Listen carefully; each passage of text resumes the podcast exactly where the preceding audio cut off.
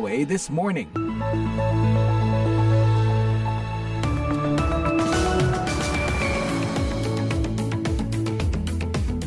Selamat pagi pendengar, inilah We This Morning di hari Senin 17 Juli 2023 bersama saya Eva Mazrieva, produser kami Karlina Amkas, dan operator Zainab Abdurrahman yang mengudara langsung dari Studio 17 VOA Siaran Indonesia di Washington DC.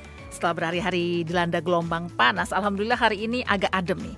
Ada hujan rintik-rintik, hujan pengantin kita sebutnya, menyelimuti DC, Virginia, dan Maryland. Lumayan menyejukkan, dan gelombang panas ini akan jadi salah satu laporan utama kami pagi ini. It kills more people every year in the U.S. than hurricanes and floods combined. Extreme heat kills more than four times as many. Selain itu jangan lewatkan laporan dari Indonesia, tapi bukan soal reshuffle, karena saya yakin ada semua lagi menunggu-nunggu itu, marak berebus dari Indonesia hingga sampai ke DC ini. Tapi yang kami akan laporkan kali ini soal perundingan kode etik di Laut Cina Selatan yang dilakukan dalam forum pertemuan Menteri Luar Negeri ASEAN pekan lalu. Like many countries in the region, uh, we're concerned by the PRC's increasing assertiveness Ya, siaran ini juga dapat simak secara live streaming di situs kami di www.vindonesia.com atau melalui podcast View This Morning di platform podcast langganan Anda. Langsung saja kita awali pagi ini dengan berita dunia. Pendengar Menteri Keuangan Amerika Janet Yellen hari Minggu menegaskan bahwa mengakhiri perang di Ukraina tidak hanya merupakan hal pertama dan kewajiban moral, tetapi juga satu-satunya hal terbaik yang dapat kita lakukan untuk ekonomi global ending this war is first and foremost a moral imperative, but it's also the single best thing we can do for the global economy. Ditambahkannya, Amerika akan terus memutus akses Rusia pada peralatan dan teknologi militer yang diperlukan untuk berperang di Ukraina. Salah satu tujuan utama kami tahun ini adalah memerangi upaya Ukraina untuk menghindari sanksi-sanksi yang kami jatuhkan, ujar Yellen. Berbicara di Grand Hinagar, ibu kota negara bagian Gujarat, di bagian barat India, Yellen juga mengatakan sedang berupaya membina hubungan lebih hangat antara Amerika dan India. Kunjungan ke India yang kerap dilakukan Yellen menunjukkan pentingnya hubungan Amerika-India saat sedang bersih tegangan dengan Tiongkok. Sementara hubungan lama India dengan Rusia juga semakin meningkat seiring invasi Rusia ke Ukraina, meskipun Amerika dan negara-negara sekutu berupaya menjatuhkan sanksi dan memukul perekonomian Rusia.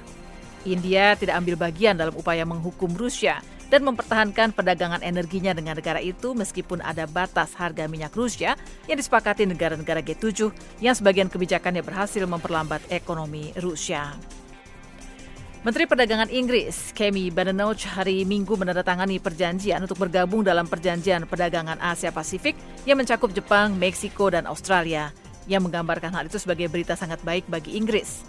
The Comprehensive and Progressive Agreement for Trans-Pacific Partnership merupakan perjanjian dagang terbesar yang pernah diikuti Inggris sejak meninggalkan Uni Eropa tiga tahun lalu.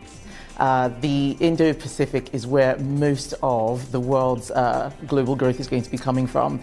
In about Indo-Pasifik adalah asal sebagian besar pertumbuhan global. Pada sekitar tahun 2035, kami memperkirakan sekitar 50% pertumbuhan global akan berasal dari kawasan itu. Tambah Badenoch setelah menandatangani perjanjian tersebut di Auckland. Pemerintah Inggris sebelumnya mengatakan keanggotaan itu akan mengurangi tarif produk susu dan barang-barang lain, serta menghapus birokrasi untuk urusan layanan. Hal-hal ini akan mendongkrak ekonomi Inggris hingga 2,2 miliar dolar. Badenoch memuji perjanjian itu dengan mengatakan perjanjian ini menunjukkan bahwa Inggris bukan negara picik setelah memilih untuk meninggalkan Uni Eropa pada 31 Desember 2020.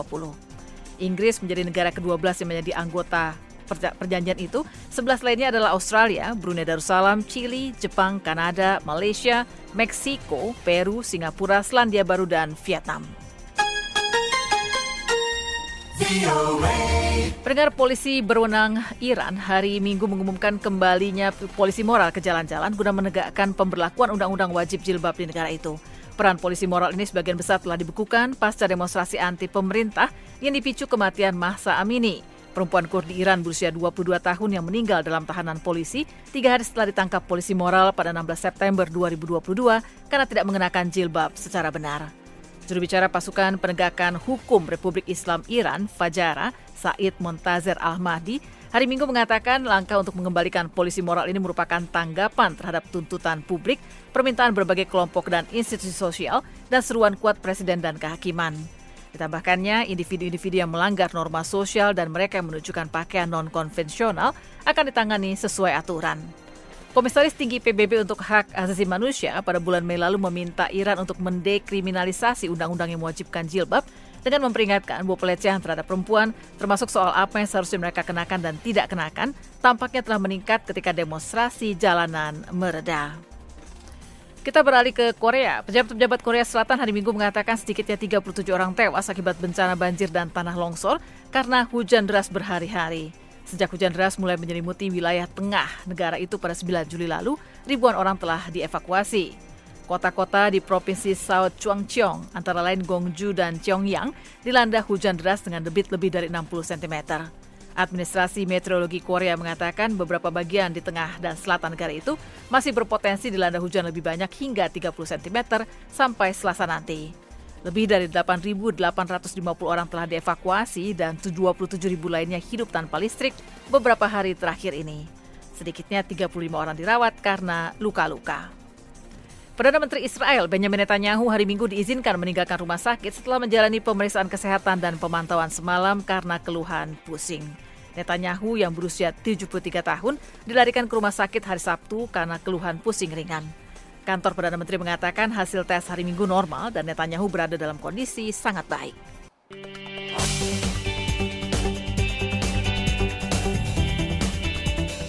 Panas ekstrim diperkirakan akan terus melanda Amerika hingga benua Eropa hingga beberapa hari ke depan. Seorang pakar mengatakan cuaca itu membunuh lebih banyak orang di Amerika dibandingkan badai dan banjir.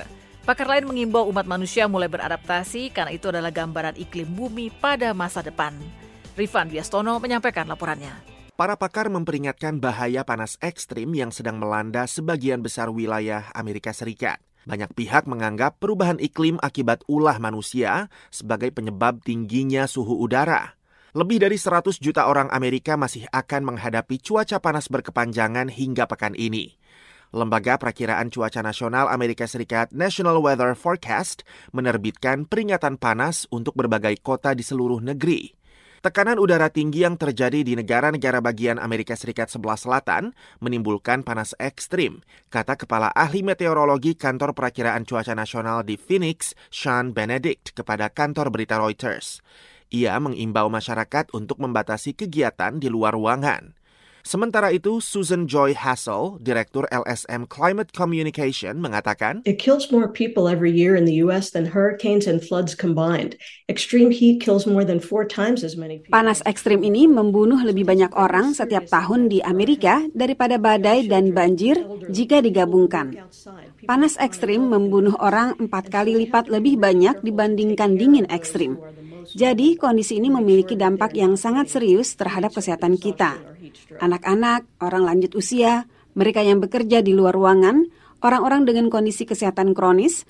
Jadi, kita harus sangat berhati-hati untuk merawat mereka yang paling rentan dan memastikan bahwa mereka tidak mengalami kelelahan akibat panas atau terkena sengatan panas. Joy menambahkan dampak perubahan iklim tidak hanya berupa gelombang panas, melainkan juga kondisi cuaca ekstrim lain, termasuk banjir atau tornado yang semakin parah. Di banyak tempat di pantai barat Amerika Serikat, khususnya di sisi barat daya, di mana musim panas yang terik sudah biasa, suhu ekstrim dapat mencapai rekor. Sementara itu, suhu tinggi yang memecahkan rekor juga diperkirakan melanda Eropa Selatan pekan ini, kata pejabat Badan Antariksa Eropa ESA hari Minggu kepada kantor berita AP. Ilmuwan aplikasi iklim lembaga tersebut, Clement Albergo, mengatakan bahwa gelombang panas berikutnya diperkirakan menerjang Eropa Selatan. Our society must uh, adapt to those uh, temperature that Masyarakat kita harus beradaptasi terhadap suhu yang menjadi sejenis kenormalan baru dari tahun ke tahun. Akibat perubahan iklim, kita bisa merasakan bahwa gelombang-gelombang panas terjadi semakin sering, semakin panas, dan semakin lama. Apa yang sudah kita alami tahun lalu dan yang sedang kita alami sekarang adalah sekilas gambaran iklim kita pada masa depan, kata Albert Gold. Ia mengatakan suhu udara yang tinggi dapat memicu berbagai masalah kesehatan, dari kelelahan akibat panas dan dehidrasi parah hingga peningkatan risiko serangan jantung dan stroke. Rifan Astono, VOA Washington.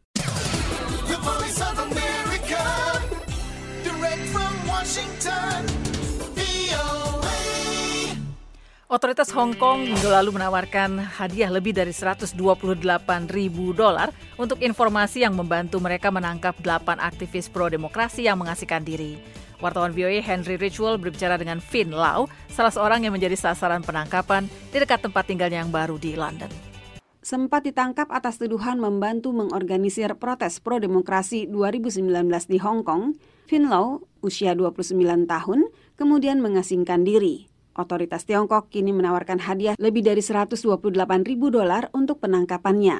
Komentar Lau, I propose different kind of strategies hosting different rallies and even do advocacy uh, abroad. Saya mengusulkan berbagai jenis strategi, menggelar berbagai aksi unjuk rasa, dan bahkan melakukan advokasi di luar negeri.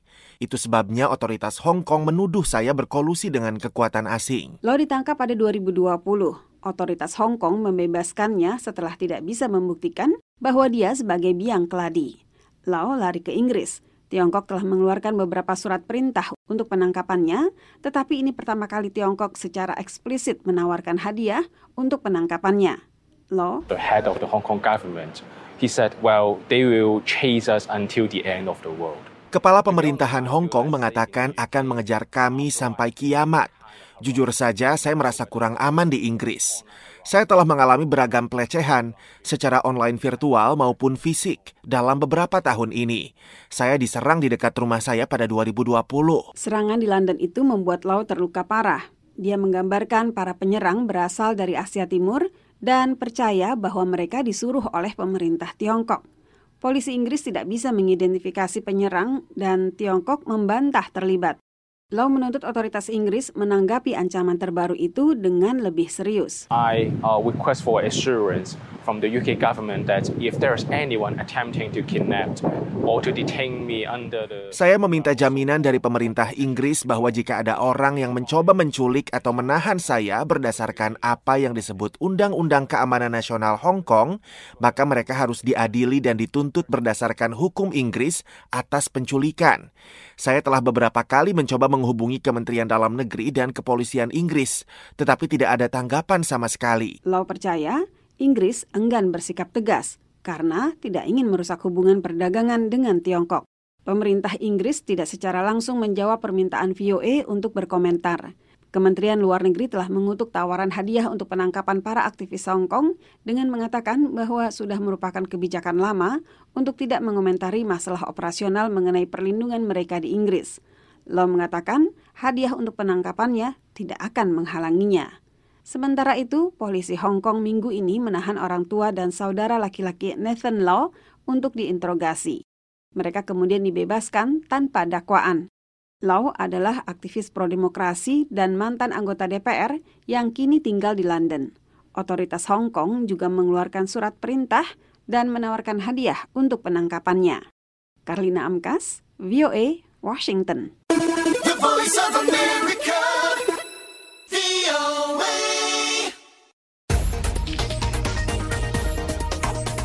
Dan kini kita ke Indonesia. Amerika mendukung perundingan dilakukan ASEAN soal aturan main di kawasan Laut Cina Selatan yang konsisten dengan hukum internasional. Kita simak laporan Fatihah Wardah. Keprihatinan atas situasi di Laut Cina Selatan yang kerap dilanda perselisihan akibat tumpang tindih klaim kedaulatan dan agresivitas Tiongkok ikut menjadi perhatian Amerika. Berbicara dalam konferensi pers di Jakarta Jumat malam, Menteri Luar Negeri Antony Blinken menggarisbawahi komitmen Amerika untuk kebebasan pelayaran dan penerbangan di atas Laut Cina Selatan yang merupakan jalur perdagangan global. Like many countries in the region, uh, we're concerned by the PRC's increasing assertiveness in the South and East China. Sebagaimana banyak negara di kawasan ini, kami prihatin dengan meningkatnya kepungahan Tiongkok di Laut Cina Selatan dan Timur serta di Selat Taiwan. Kami tetap berkomitmen untuk menjunjung tinggi kebebasan navigasi dan penerbangan di Laut Cina Selatan, jalur kepentingan perdagangan dan konektivitas global. Kami mendukung perundingan kode etik ASEAN yang konsisten dengan hukum internasional, tegas Blinken. Lebih jauh Blinken juga bicara soal Selat Taiwan yang merupakan kepentingan semua bangsa. Ia mengatakan 50% of global commerce goes through that strait every single day. Some 70% of 50% perdagangan global melewati selat itu setiap hari. Sekitar 70% semikonduktor yang dibuat untuk dunia dibuat di Taiwan. Kami akan terus menentang perubahan sepihak terhadap status quo yang dilakukan pihak lain, kata Blinken. Meskipun demikian, Blinken menegaskan bahwa Amerika akan terus memelihara hubungan dengan Tiongkok termasuk dengan memperkuat komunikasi untuk memperjelas posisi Amerika dalam isu Laut Cina Selatan, Selat Taiwan, dan isu-isu lainnya. Sehari sebelumnya, Departemen Luar Negeri Amerika juga mengatakan akan terus mempertahankan jalur komunikasi terbuka dengan Tiongkok untuk mengklarifikasi kepentingan Amerika dalam beragam isu dan mengelola secara bertanggung jawab kompetisi yang ada dengan mengurangi resiko, mispersepsi, dan miskalkulasi. Ini yang diharapkan dunia dari Amerika dan Tiongkok. Peneliti ASEAN di Badan Riset dan Inovasi Nasional atau BRIN, Pandu Prayoga mengatakan kepada VOA, ASEAN sebenarnya sudah lama mendorong lahirnya aturan main di Laut Cina Selatan, namun baru dalam pertemuan Menteri Luar Negeri ASEAN kali ini, Tiongkok sepakat dengan pedoman untuk mencapai kode etik di kawasan yang kerap diperselisihkan. Tiongkok tampak tak bergeming dengan berbagai kritik tajam yang diarahkan kepadanya, termasuk dari Amerika, karena tahu persis Amerika sendiri tidak pernah meratifikasi konvensi PBB tentang hukum Hukum Laut atau UN Convention of the Law of the Sea UNCLOS tahun 1982. Alasannya kata Pandu agar Angkatan Laut Amerika bisa bebas bergerak ke mana saja untuk memperluas pengaruhnya. Agar negara-negara di situ itu uh, menggunakan hukum internasional sebagai landasan, bukan klaim sepihak, bukan klaim historis, tetapi dalam penentuan batas-batas wilayah kita menggunakan UNCLOS 1982. Laut Cina Selatan juga memiliki potensi besar di sektor perikanan dan di Tenggarai memiliki banyak cadangan minyak dan gas yang masih belum dieksplorasi. Dari Jakarta, Fatia Wardah melaporkan untuk VOA Washington.